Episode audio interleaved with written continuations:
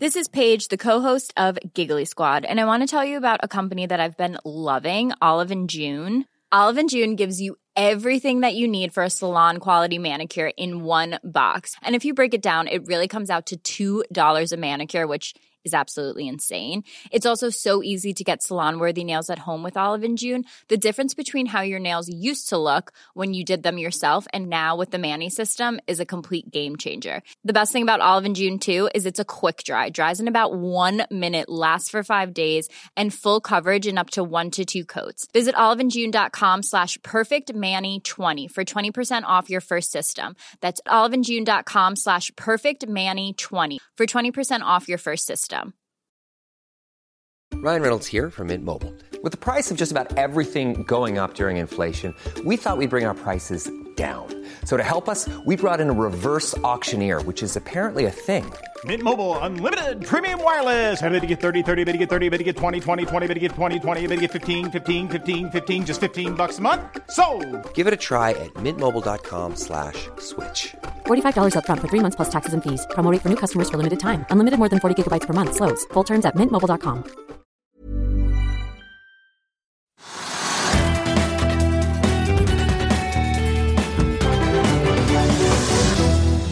Velkommen til Økonominyhetene. Det blitt tirsdag 2. mai.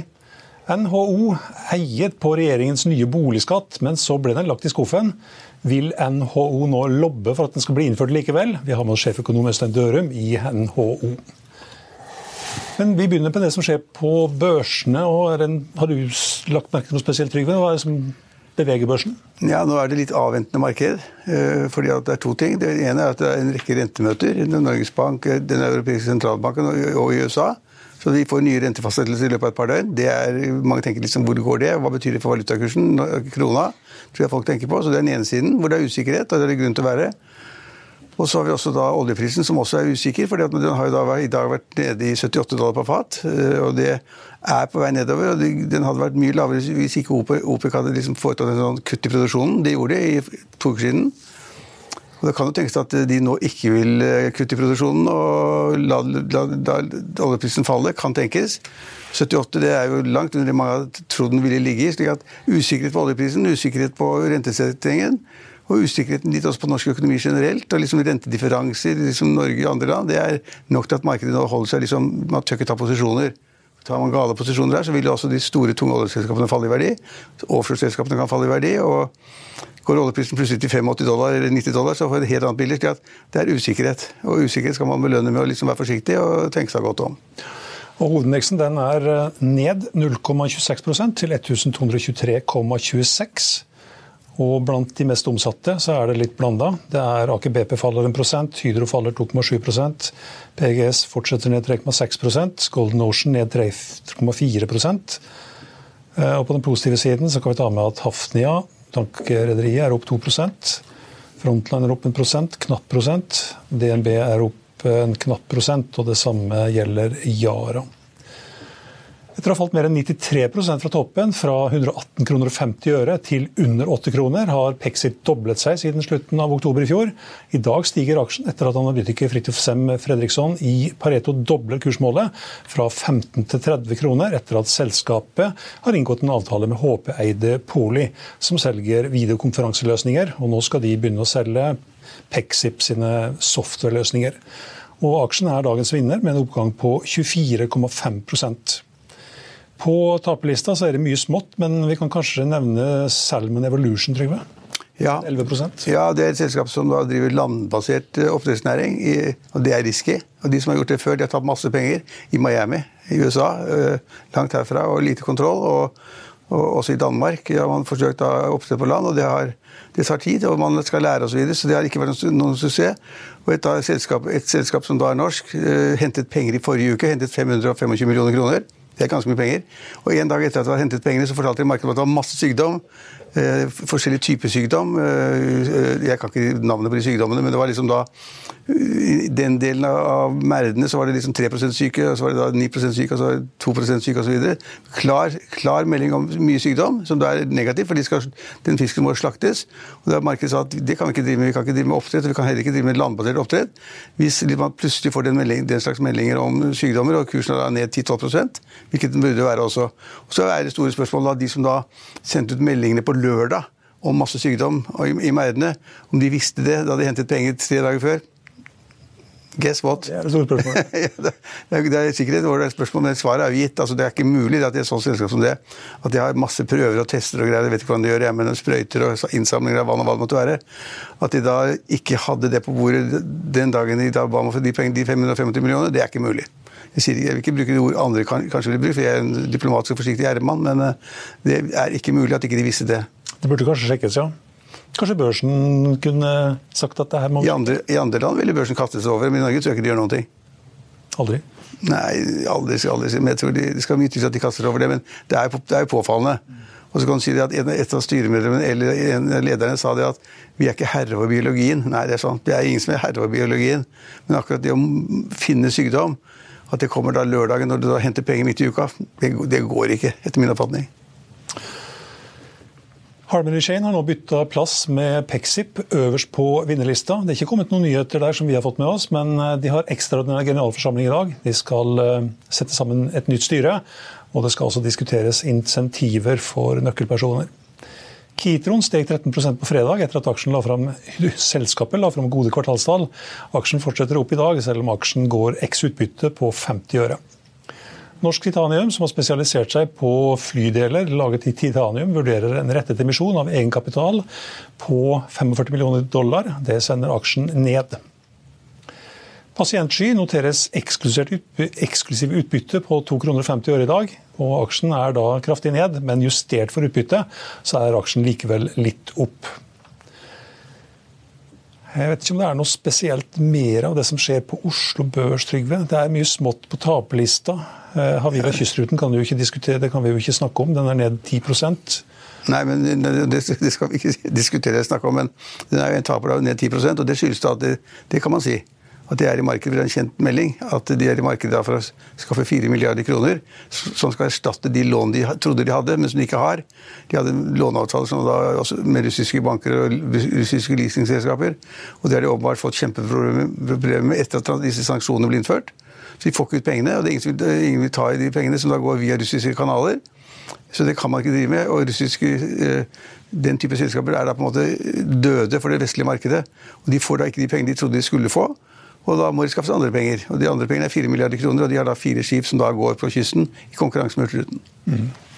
Som du er styreleder for? Styreleder. Ja. Antall konkurser blant eh, norske aksjeselskaper økte med 22% i april, sammenlignet med samme måned i fjor. Totalt så var det 225 konkurser.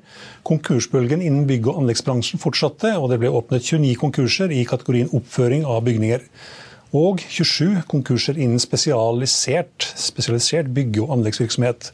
Det var en økning på henholdsvis 61 og 50% sammenlignet med fjoråret. Og Da passer det kanskje fint at vi går over på dagens gjest, som er sjeføkonom Øystein Dørum i NHO. Vi er straks tilbake etter dette.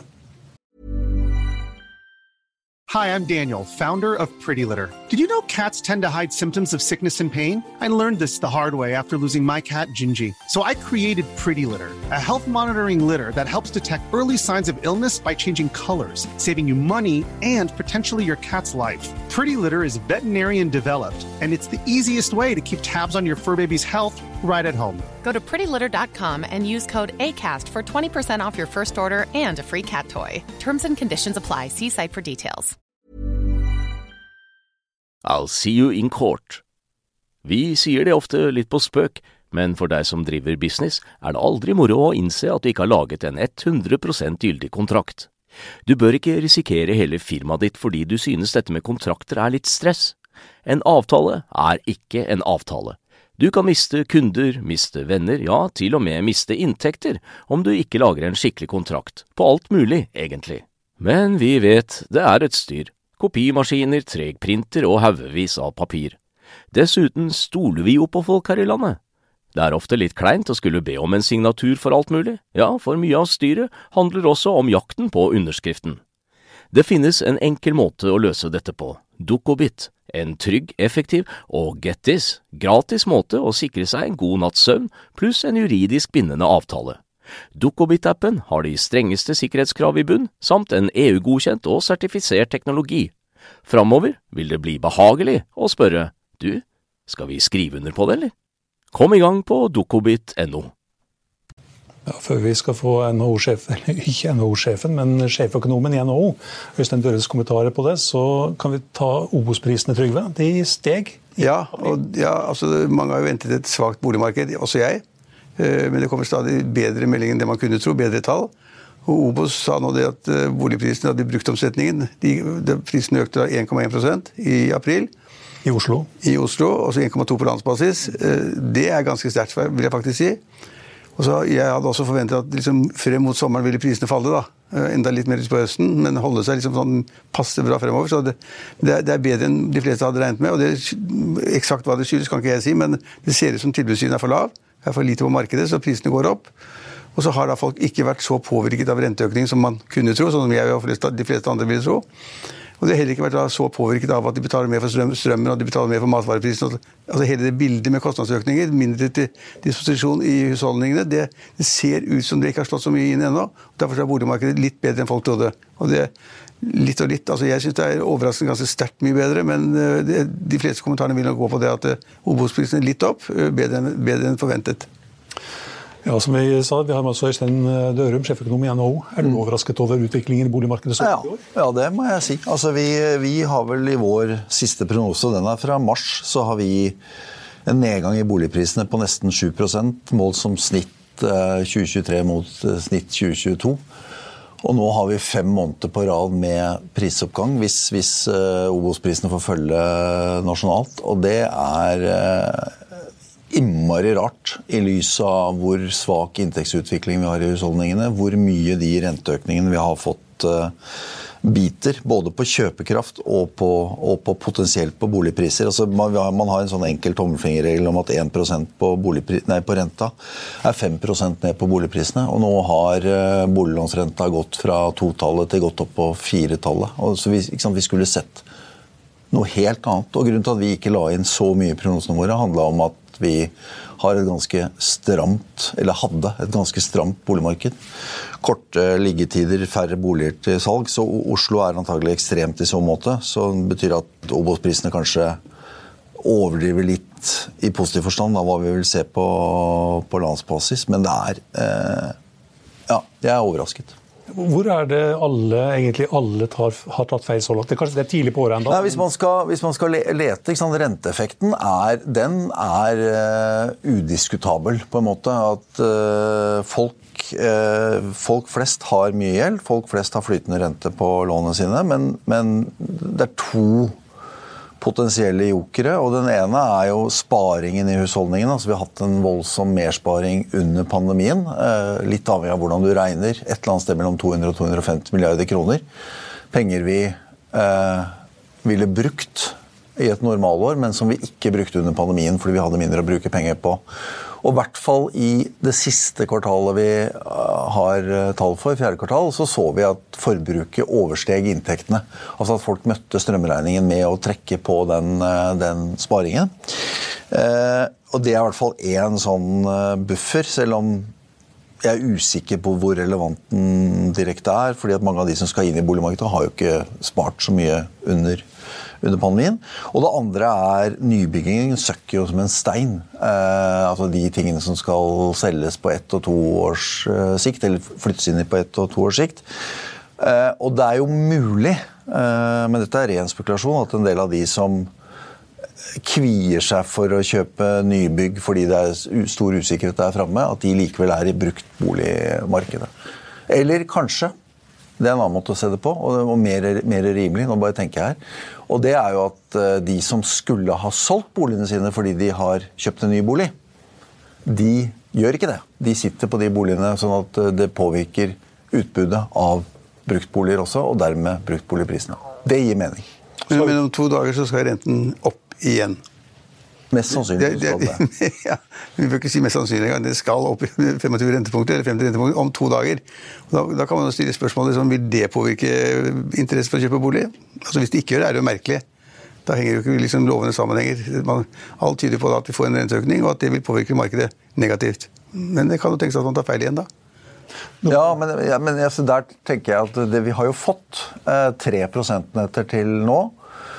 Og så hadde vi jeg har ikke i huet helt, men seks-sju måneder med boligprisnedgang. Kanskje det bare var fem-seks. Og så har vi nå hatt eh, trolig fem måneder med oppgang i boligprisene. Til tross for eh, at rentene har fortsatt å øke, om enn i et saktere tempo. Til tross for at eh, det signaliseres eh, i hvert fall én, kanskje altså én nå, og så ytterligere én eller to utover i, utover i året. sånn at eh, folks, altså Kjøpekraften i boligmarkedet har gått ned. Det er, ikke sant? Det er uomtvistelig. Ja. ja. Så er ledigheten lav, da. Ledigheten er lav. Veldig Ja, men, men vi har jo, ikke sant øh, Jobbveksten har dabbet av, for det er jo også normalt en driver inn i, inn i boligmarkedet. Eh, og flertallet av våre medlemsbedrifter, som riktignok ikke treffer alle næringer, men, men de sier at de skal ikke øke bemanningen eh, framover. Så at vi, vi, vi skal ha et svake, vi skal ha høyere ledighet også dette, dette året, hvis anslagene utvikler seg, eller økonomien utvikler seg som anslått. Dere kan få rett. eh, Vi er tidlig i året ennå. Dere kan få rett begge to. Ja, altså jeg, jeg ligger ikke på den linjen som da NHO er, at man skal da ha en nedgang i bo- bo- boligprisene på 7% Det tror ikke jeg heller på lenger. Det det, det tror skal godt gjøres, Også. Men, ja, det skal godt gjøres, men det kan godt tenkes at på årsbasis, så snittet fra i fjor til snittet fra i år, at man da får en nedgang i boligprisene på 2-3% det, det vil ikke overraske meg noe særlig. Men det er overraskende bra så langt. Altså, altså, den tilbudssiden, det er så, altså, du bygger så lite nå, og settes, settes i gang så lite, det er det viktigste. At vi får en smell om et par år frem i tid, og da skal boligprisene kraftig opp, For da vil jo da tilbudssiden være altfor lav. Hvis folk da får en decent og ordentlig inntektsvekst fremover, hvilket de, de sannsynligvis får. For nå er da tariffoppgjøret i havn for de aller fleste, og alle vet nå det at det blir minst 5,2% det rammer for det. Offentlig og privat sektor det er, liksom, det er nå i havn, nesten. Og da får folk mer å rutte med. Men så er det da liksom usikkerheten om prisveksten, ikke sant? og den, den har jo da alle ekspertene anslått til 4,9 Den blir sannsynligvis høyere. Så da får de litt mindre så reelt å rutte med enn de tror. Men eh, det, er, det er små marginer. Men boligmarkedet blir ikke topp. Det blir det ikke. Men eh, hvis vi hadde fått den boligskatten som dere heiet på, da hadde dere kanskje fått rett. Ja, det, altså hvis Jeg har vært i noen debatter om dette, og hvis man liksom tenker seg at eh, og Det er jo ikke akkurat noen vinnersak, det er jeg veldig klar over. og Hvis man hadde tenkt seg at en sånn boligbeskatning eh, ble innført over natten, så ville jo boligmarkedet tatt fullstendig telling. Det er jo nesten over natten. Det er 1 nå, og så er det opp til 2,5% innen ti år. Det er nesten over natta, ikke det? Ja, det er akkurat veldig over natten. Og, det, og, og, og vi har heller ikke vært spesifikke altså Utvalget foreslår dette. Vi har ikke vært spesifikke på nøyaktig hvilken sats og hvor raskt og sånn, og, det, og med, med hensikt. Vi har mange medlemsbedrifter som opererer i det markedet, enten som forvaltere eller som, som byggere. Og, og derfor har vi sagt at dette må, det må utredes, og du må gi både næringsliv og folk tid til å tilpasse seg. Men, men eh, vi har ment i flere tiår at eh, vi må ha en likebehandling av formuesaktive. At det skal ikke være sånn at du har lavere formuesskatt på å investere i en stor bolig enn du har på å investere i, en, i næringsvirksomhet. Men, men, men, men Dette, altså NHO kan ikke mene noe annet. for å gå til, gå til kjernen i det. Altså, poenget er da det at, eh, at dere i høringsuttalelsen var i prinsippet for da det forslaget fra utvalget. Altså, det, tror jeg ikke, det var mange som ikke likte det. Det kunne godt uttalt det litt annerledes. Det bør ikke være helt sånn seminarvirksomhet og det, de liker behandling og symmetri og gud veit hva. Fordi at i, under, hele tiden, som jeg syns ikke dere fikk frem, det, der lå det jo det at markedet liksom skulle ta til seg det at hvis vi gjennomfører dette her, hvis det går som da utvalget ønsker, og hvis vi, som dere også da applauderer, så må liksom andre skatter og avgifter ned. Da må inntektsskatten kraftig ned. Ja, ja. Men det er jo ingen som tror på det. Nei, og, og, der, men der altså Jeg har også vært i de diskusjonene. Der diskuterer man litt som pavens skjegg. ikke sant? Vi har en overordna posisjon om at skattetrykket samlet sett må ned. Nå er det 44% av fastlands-BNP. I veikartet vårt har vi 40% av fastlands-BNP. Veien til lavere samlet skattetrykk den går jo for så vidt ikke via skattesystemet, den går via offentlige utgifter. Altså Skatt er finansiering av felles utgifter. så Hvis du ikke klarer å redusere utgiftsveksten i offentlig sektor eh, gjennom effektivisering, reformer og andre ting, så eh, har du jo eh, å si, tapt den, den diskusjonen. Men, men det er vårt overordnede ståsted. Skattetrykket må ned. Og så innenfor et samlet skattetrykk så ønsker vi et mest mulig effektivt skattesystem. Og et effektivt skattesystem, ja, det likebehandler. Ja, alt. alt. Ja, med noen forbehold om ulik konkurransesituasjon og sånn. Altså eksempelvis på, på momsen så har vi, eh, gir vi prinsipiell tilslutning til ideen om én momssats, men vi peker på at det er grunner til eh, som f.eks. her, mediebransjen. Det er grunner til at man har differensierte momssatser. Og da endrer man ikke på det heller uten å ha Men, men det, men, jeg synes det- er litt morsomt, men tatt i betraktning da, altså den uttalelsen dere kom med, da, den høringsuttalelse, mm.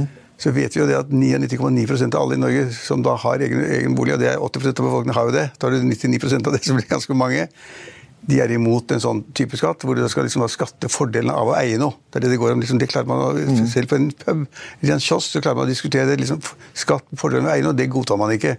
Så, da, så det vil jo NHO få, de ville få bank, og, og vil få det fremover også. For er folk, vi, altså folk er helt uenige. De sier at det, vi kjøper bolig for å liksom bo, vi kjøper ikke bolig for å spare formue eller bli rike, eller noe sånt, og det er også riktig.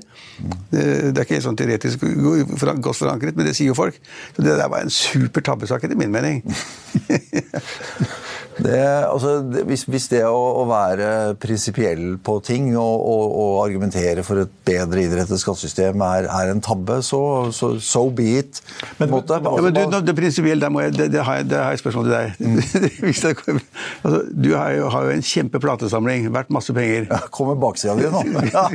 Skal du, skal du betale fordelen for å eie den, for du slipper, poenget- kjøpe, at du slipper å kjøpe plater? da? Jeg tror noe, noe, noe Dette er ikke slag under beltestedet, vær så god.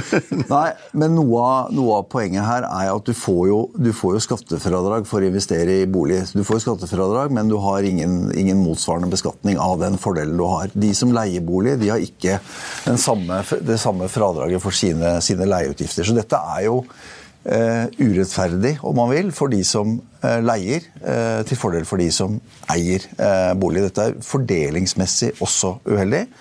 Og hvis du ser på formuesskatten, så er formuesskatten lavere på, det, på egen bolig enn den er på å investere i næringsvirksomhet. Vi vil ha formuesskatten bort. Vi vil i hvert fall ha eierbeskatningen ned. Og noe av eh, en annen innretning av skattesystemet kunne gått til å gi lavere Men ville de ta bort den rabatten for egne boliger også, de 75 prosentene? Ja, da ville vi hatt altså, Ja, du, ikke, du må ikke si det, for da, på det, der, da blir du lynsjet, da. Jeg har fått, eh, jeg har fått eh, hissigere mailer nå i løpet av de siste dagene. Jeg, har, hatt, jeg har vært en offentlig person i et kvart hundre år, og jeg har eh, Det er første gang jeg har blitt bedt om å finne et eh, kort tau og et høyt tre. Kan det bety at du tar feil? Det, altså jeg tenker at vi er i en situasjon nå hvor eh, mange har fått mye på en og samme tid. Nå er, eh, I fjor så gikk reallønna ned. Reallønna står stille i sju år. Prisene fortsetter å vokse. Strømregningen vokser folk over huet tross strømstøtte. Så kommer rentene på toppen, og så kommer det en jævla idiot fra NHO og sier at de også skal skatte mer av boligen sin. Og, og det er Mye mer av boligen sin. Og hytta. Ja, men det og hytta. er Hvis man ser på Og hytta. Ja. Fordelen var ei egen hytte. Ja da. Eh, Men det er, hvis man ser på formuesskatten, så er det jo et ganske saftig bunnfradrag. Det er mange måter å løse dette på, sånn at normale boliger er unntatt, eh, unntatt beskatning, eller, eller får en veldig lav Politikere, politikere klarer aldri å sette et, eh, et sånt bunnfradrag som er noe- noenlunde fornuftig. Aldri i livet. Nei, altså man kan, man kan jo ha mistillit til politikerne og sånn, men, men det er jo teknisk sett så er det mulig. Teknisk sett er det mulig. Kan du ha minstefradrag på 20 millioner, så har du tatt bort det meste. Som trygdeavgift på hytta også, fordelsbeskattes. Bilen leste i Finansavisen her òg. Ja, men der eh, Jeg burde bare latt være å svare på det spørsmålet. For at der ble jeg lokka utpå av journalisten. Men vi, har- vi har jo ikke ment det. Vi har ikke tatt til orde for det.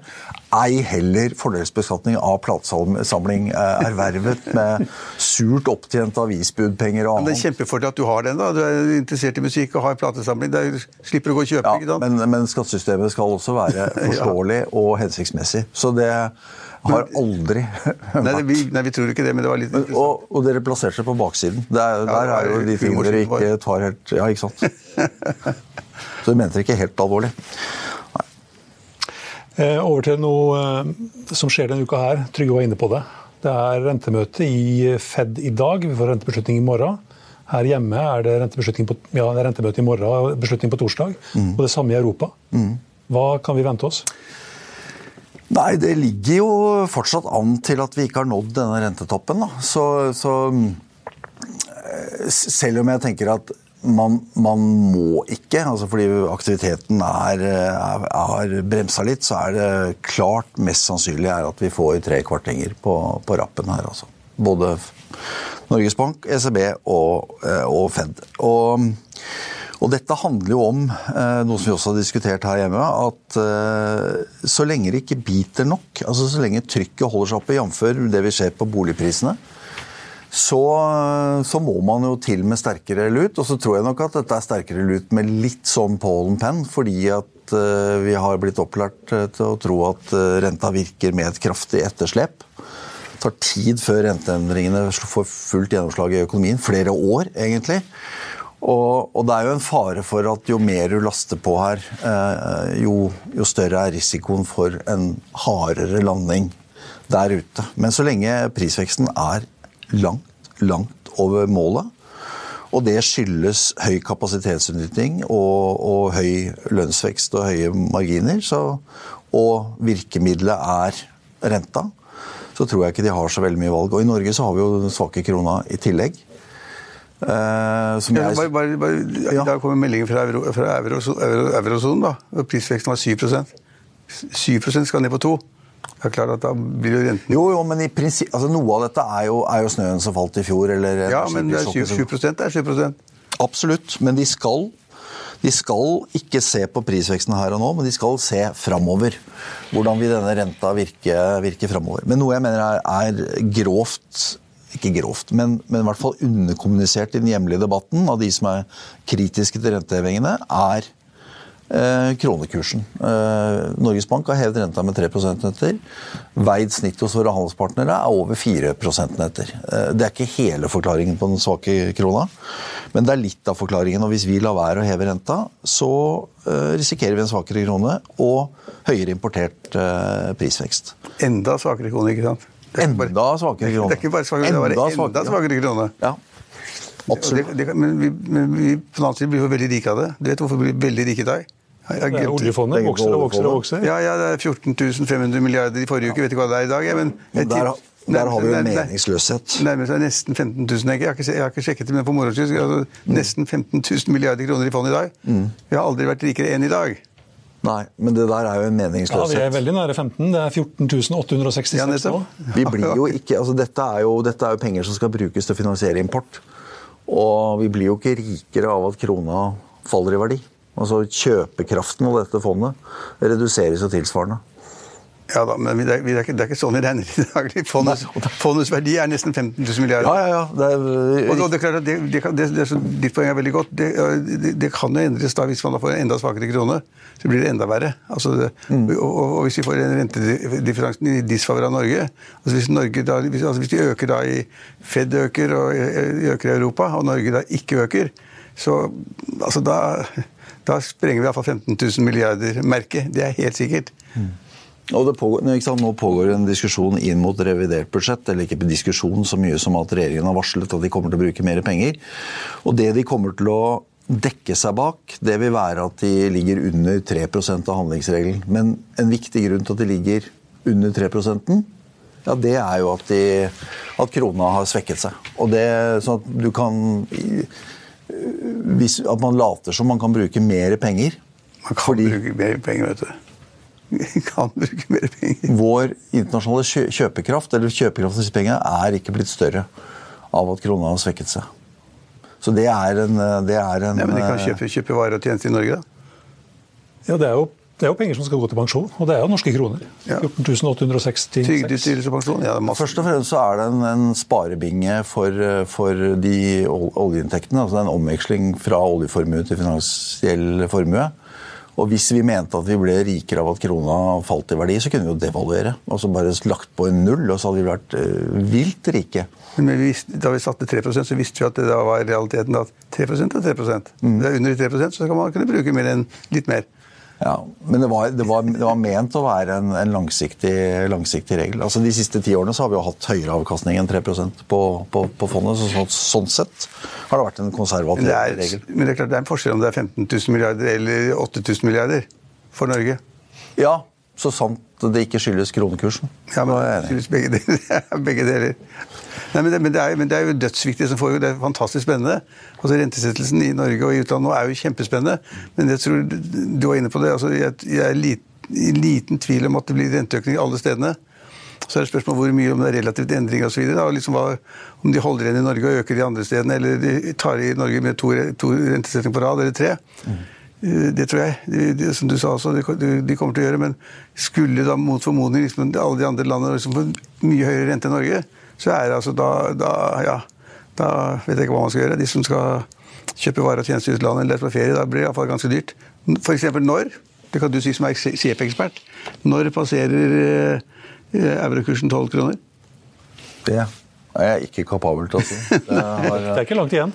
Hvis jeg må bruke huet mitt litt, men jeg tror den ligger på 11,70. Jeg tror jeg spådde 12 kroner her. 11,70 rundt det ligger det på nå. Altså 11,78 står det på tavla. Ja, ok. 11, gjør det det?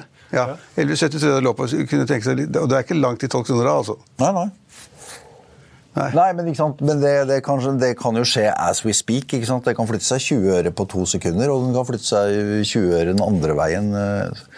Nei, eh, valutakursprognoser skal man være utrolig varsom med å gi seg i kast med. Altså. Mm. Men, ja, men, eh, men det, skal, det, skal, ikke mer til enn at uh, renta holdes uendret på torsdag. Nå skjer jo ikke det, men hadde det blitt holdt uendret, hadde den gått til 12 kroner. Ja, ja, det er godt mulig. Men det, men det, jeg tenker er jo at i fjor så hadde de ikke sant, Da havna de bakpå. Alle sentralbankene havna bakpå, og da leverte sentralbanken Norges Bank leverte tre halvinger på, på rappen. Det er jo ingen ønsket situasjon for en sentralbank å bare pumpe på med, med renteøkninger. sånn at jeg, når de nå hvis de nå sto foran et valg mellom å ta to kvartinger eh, på rad eller å ta null på torsdag og så en halving på neste rentemøte med, med, rapport, så tror jeg de fleste ville velge å ta to, to kvartinger framfor null pluss 50, rett og slett fordi at du da hvis det viser seg at økonomien endrer seg, så har du ikke, har du ikke tatt i for mye. At det er mye mye bedre å gå gradvis fram. Ja, altså Null kan det ikke bli, for da, da, da er krona tapt. Altså, da, det er ingen som har råd til å reise til Spania og på, på ferie lenger, da. Eller til New York eller London. Nei, nei, men det er jo bra for aktiviteten her hjemme. men da... ja, ja, men det er ikke så veldig bra for de som har masse gjeld i dollar eller euro eller sånn. Det er dyrt for nordmenn å feriere i Norge, men det er dyrere i utlandet. Veldig mye dyrere i utlandet. For utlendingene så er det billig å komme til Norge nå. Kjempebillig. Ja. Altså, det er vel 20-25 billigere enn det var for etter to år siden. Så det er jo dramatisk, det. Hvis, hvis utlendinger forstår det og ser det. Det vet ikke om de, vet ikke om de gjør det.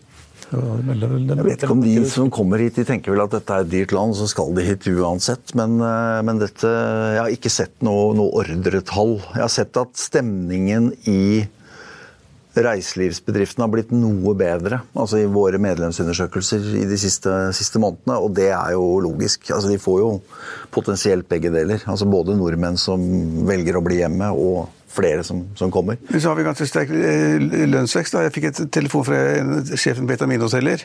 Eh, og han sa at for oss så betyr dette her eh, halvannen million kroner. Mm. Det er liksom eh, så stort tillegg og bla, bla, bla. Og så er det så mange 60 årsverk ganger så så mye 17.050 timer. Bla, det regnestykket kan du gjøre på to minutter. Mm. Uh, og han sa at for oss i, på vårt hotell så, uh, i Asker så vil dette bety 1,5 millioner kroner i året. Mm. Og så kom han kommentar etterpå det er bare å heve prisene.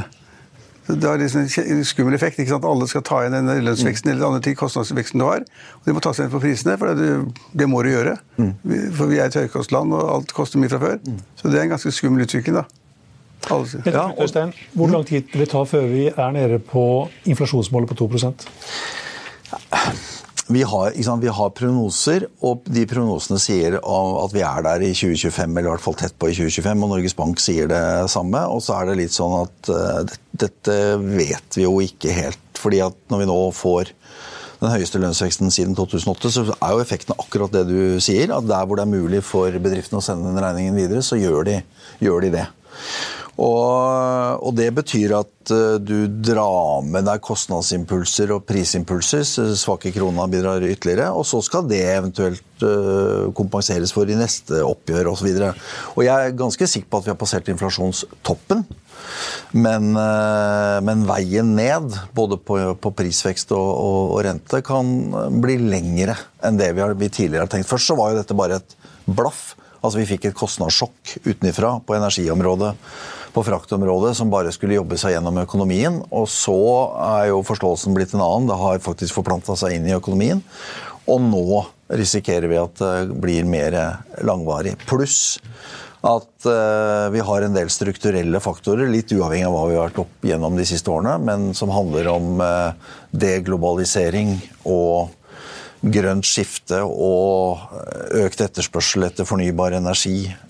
Større krav til sikkerhet, eh, med kanskje større begrensninger på hvor, hvem du kan handle med og hva du kan handle med osv., som også kan gjøre at og pluss demografien, aldringen, som er faktorer som gjør at vi kanskje eh, permanent eller mer varig er i et, i et annet inflasjonsregime enn det vi har hatt.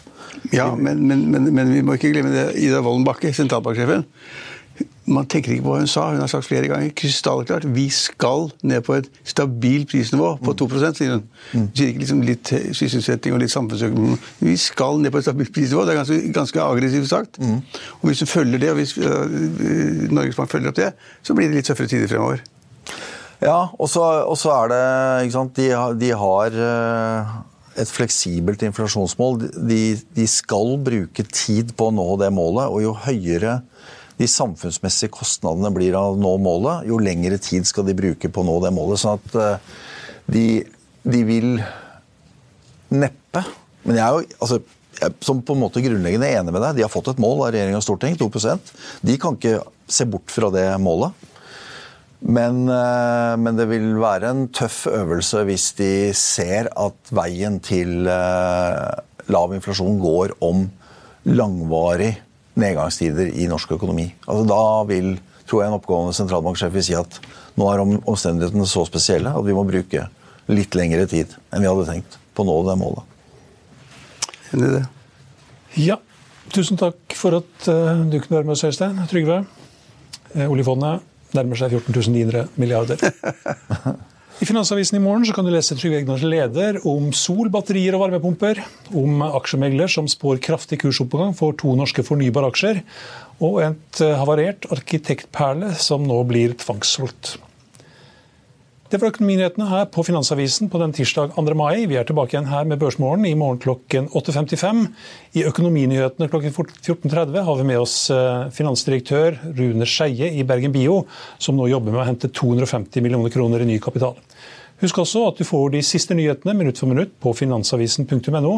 Mitt navn er Stein Ove Haugen. Tusen takk for at du så på og hørte på, og håper du er med oss igjen i morgen også.